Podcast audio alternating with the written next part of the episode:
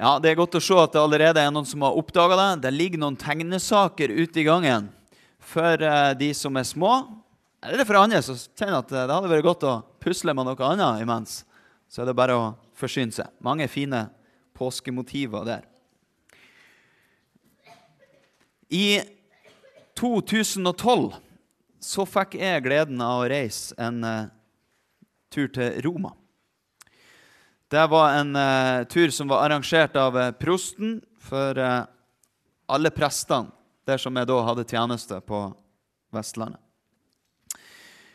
og prester som reiser på tur, de reiser ikke bare på sånn heisatur. De skal, de skal gjøre noe. Og Det vi skulle gjøre, var at vi skulle studere den såkalte apsiskunsten.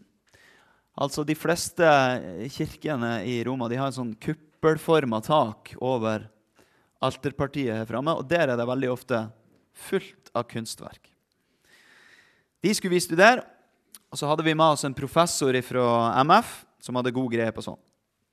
Seinere har jeg fått blitt kjent, bedre kjent med han gjennom Ryenberget menighet. Og Noen av dere fikk kanskje med dere bibeltimen hans i Bjerkeli. Han heter Reidar Valvik. Og Han eh, holder ikke bare bibeltimer, han har greie på kunst også. Og det var mye flott vi fikk se, sjøl om det kosta noen, noen, euro å få kasta lys over tingene. Bokstavelig talt. Du kunne putte penger på en sånn kasse, og så skrudde det seg på en lyskaster i to minutter. Så du kunne forte å studere. Så hvis vi noen gang kommer i pengenød her, så har dere et tips der. Og så lærer man faktisk ganske mye eh, av både historie og forskjellige ting gjennom denne kunsten. Og Nå skal du få en, en liten fun fact. For ett velbrukt motiv, det er Jesus, selvfølgelig, sammen med Peter og Paulus. Og Det som er litt interessant, det er at i løpet av historien så har Peter og Paulus bytta plass. I den eldste kunsten så var Paulus på Jesu høyre side. Etter hvert så overtok Peter den posisjonen. Og Så kan man jo dra ut eh, noen eh, teologiske betydninger det, men eh, det er noe interessant i seg sjøl. Og det sier meg jo at da blir det interessant å komme tettest mulig på begivenhetene. ikke sant? Det som er nærmest i historie. Så da blir spørsmålet hvor finner man så den eldste kunsten? Den finner du nemlig ikke i kirkene. For de var bygd som regel etter at de kristne hadde fått både makt og penger. Hvis du skal finne den eldste kirkekunsten, så må du under bakken. Ned i katakombene, gravstedene, der de kristne var gravlagt. Der finner du mange bemerkelsesverdig godt bevarte kunstverk.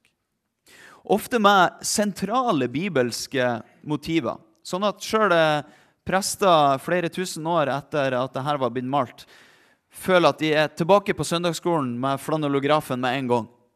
Vi kjenner igjen fortellingen umiddelbart. Men hvorfor der? Skjult i mørket, under bakken? Jo, fordi dette håpet som de hadde fått gjennom troen, det var ikke bare noe for livet her på jorda. Der var fattige graver, og det var rike graver som var både større og mer utsmykka. Men de delte det samme håpet om at Jesus faktisk hadde overvunnet døden, og at hans ord om at den som tror på Han, skal leve om han enn dør, det gjaldt også for de. Det håpet er det som tennes på påskedag. I deg mørket vik for lyset, og Guds herlighet åpenbares i en tom grav. Vi reiser oss og synger høytidsverset sammen.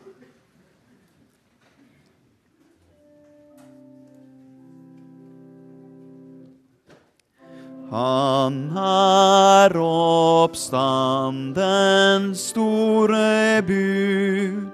Min Gud er en forsonet Gud. Min himmel er nå åpen. Min Jesus eier ikke død. Fordømmelsenes piler brød og knuste mørkets våpen. Og røst min trøst ved hans eier som jeg eier, helved bever. Han var død, men se han lever.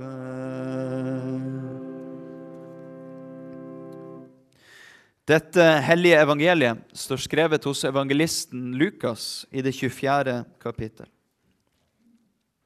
Ved daggry, den første dagen i uken, kom kvinnene til graven og hadde med seg de velluktende olje, oljene som de hadde laget i stand. Da så de at steinen var rullet fra graven, og de gikk inn, men fant ikke Herren Jesu kropp. De visste ikke hva de skulle tro, men med ett sto det to menn hos dem i skinnende klær. Kvinnene ble forferdet og bøyde seg med ansiktet mot jorden. Men de to sa til dem, Hvorfor leter dere etter den levende blant de døde? Han er ikke her. Han er stått opp. Husk hva han sa til dere mens han ennå var i Galilea. Menneskesønnen skal overgis i syndige menneskers hender og korsfestes, og den tredje dagen skal han stå opp. Da husket de hans ord. Og de vendte tilbake fra graven og fortalte alt dette til de elleve og til alle de andre.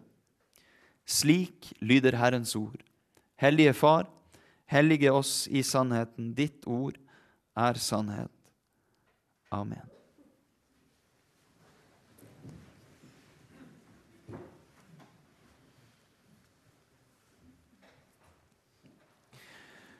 Hva var det de kom der for så tidlig på morgenen?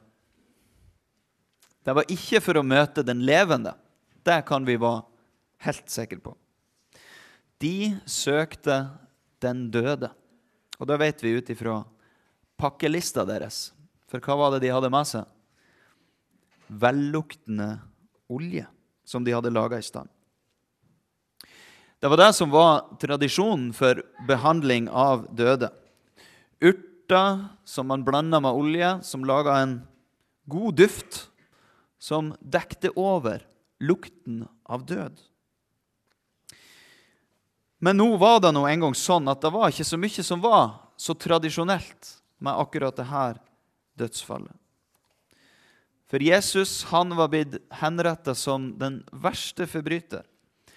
Så hadde de tatt ned kroppen hans og lagt den i en gravhule. Uten noe av det her som egentlig skulle følge med. Så var en stor stein blitt rulla foran, og vakter ifra den romerske styrken var satt til å bevokte graven.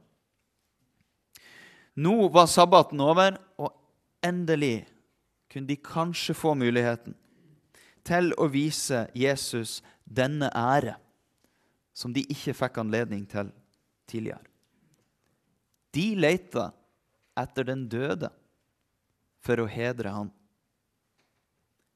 Men så skjer det uventa, det uhørte. Steinen var rulla bort, og den døde som de forventa å finne, var ikke der. I stedet så møter de to menn i skinnende klær. Og de stiller det betimelige spørsmålet Hvorfor leter dere etter den levende blant de døde? Å lete etter den døde blant de døde, det er jo ganske naturlig. Og de er det mange av. De kan ha vært mektige da de var i live. De kan ha vært stinn av penger og rikdom. De kan ha hatt kunnskap om mange ting og skrevet kloke bøker. Men nå stiller de likt, alle sammen. De er blitt til støv. Stedet de var på, veit ikke lenger av dem.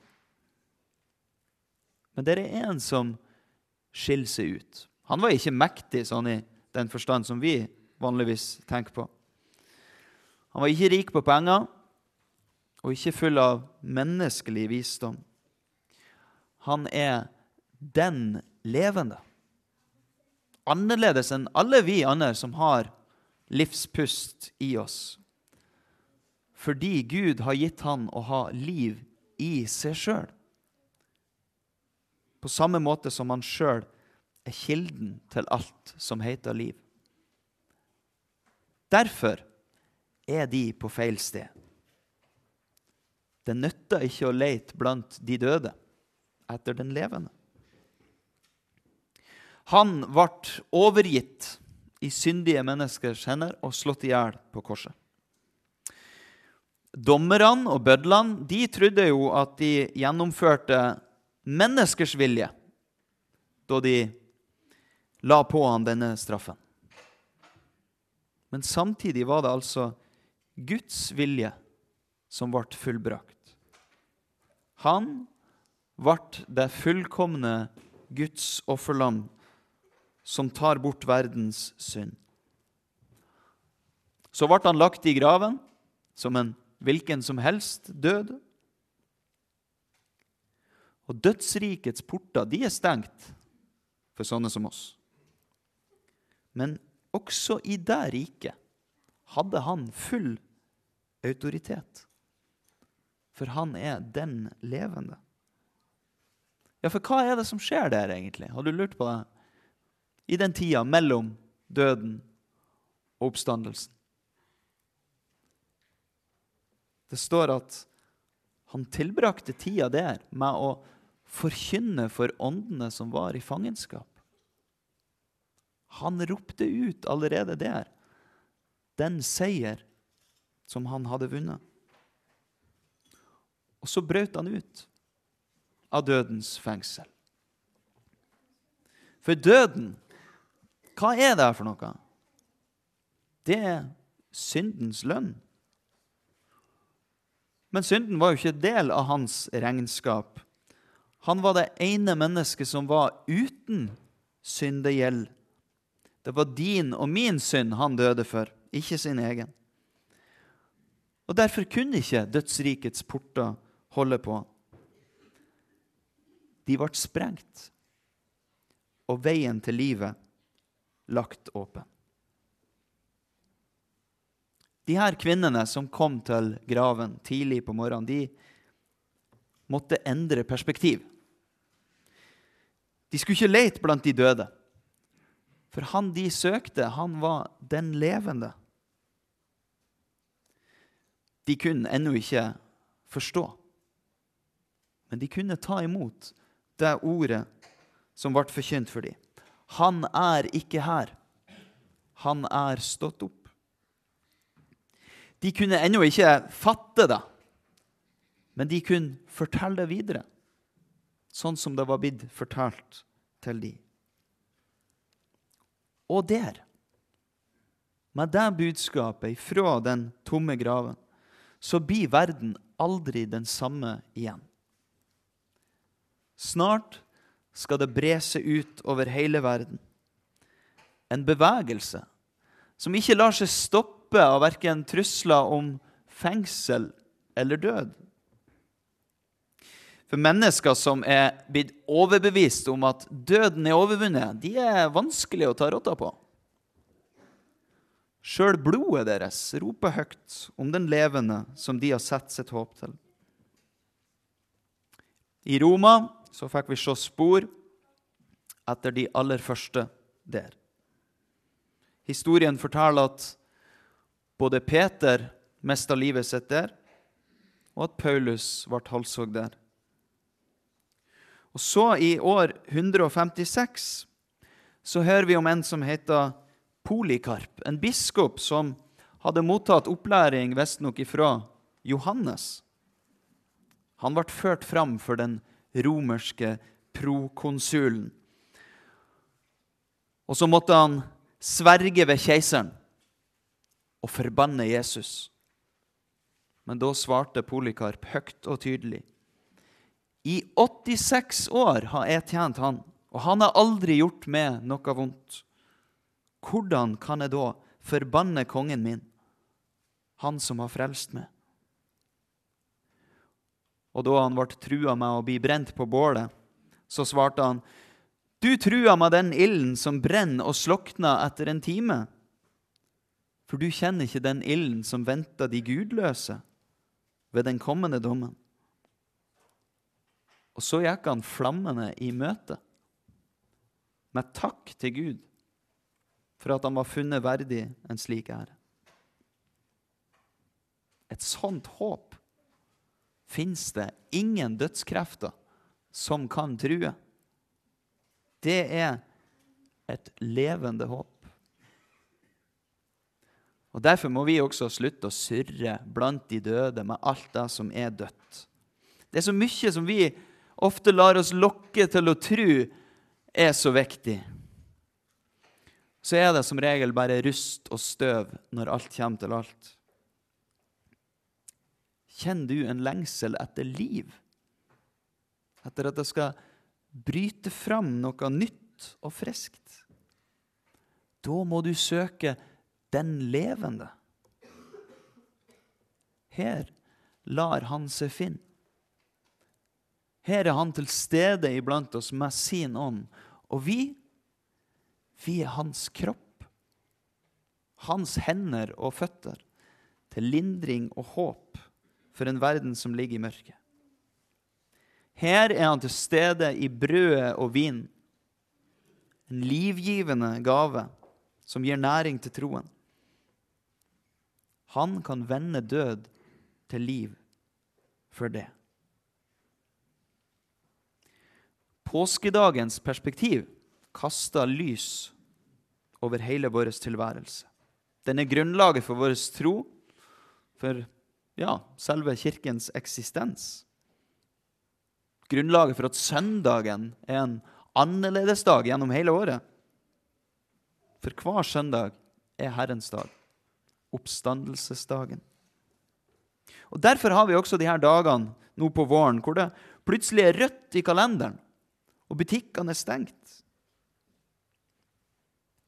Men hva er påsken blitt? Er det bare fridager med tur og Kvikk Lunsj og litt seine morgen? Det er jo alt sammen fine ting. Men en påske uten den levende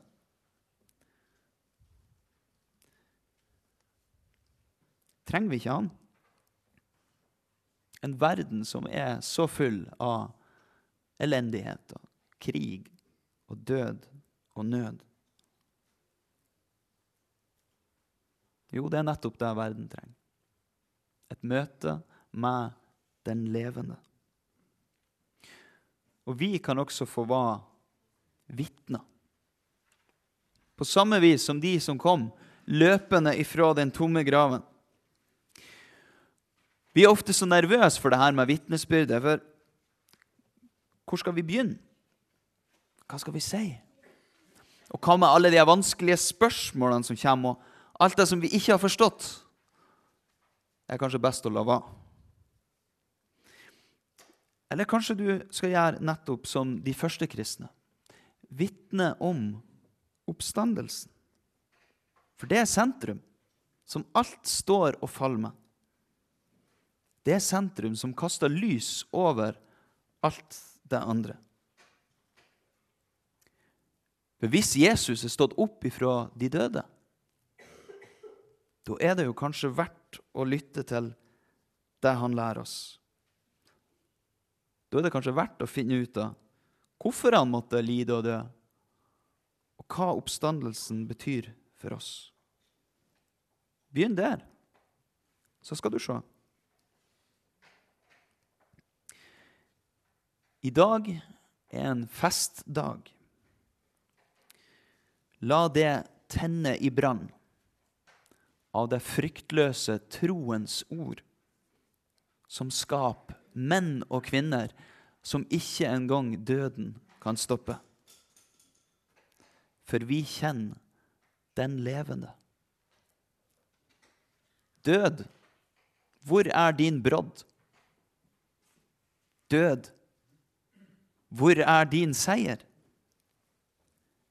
Dødens brodd er synden, og syndens kraft er loven. Men Gud være takk, som gir oss seier ved vår Herre Jesus Kristus. Ære være Faderen og Sønnen og Den hellige ånd, som var, er og være skal, en sann Gud fra evighet og til evighet. Amen.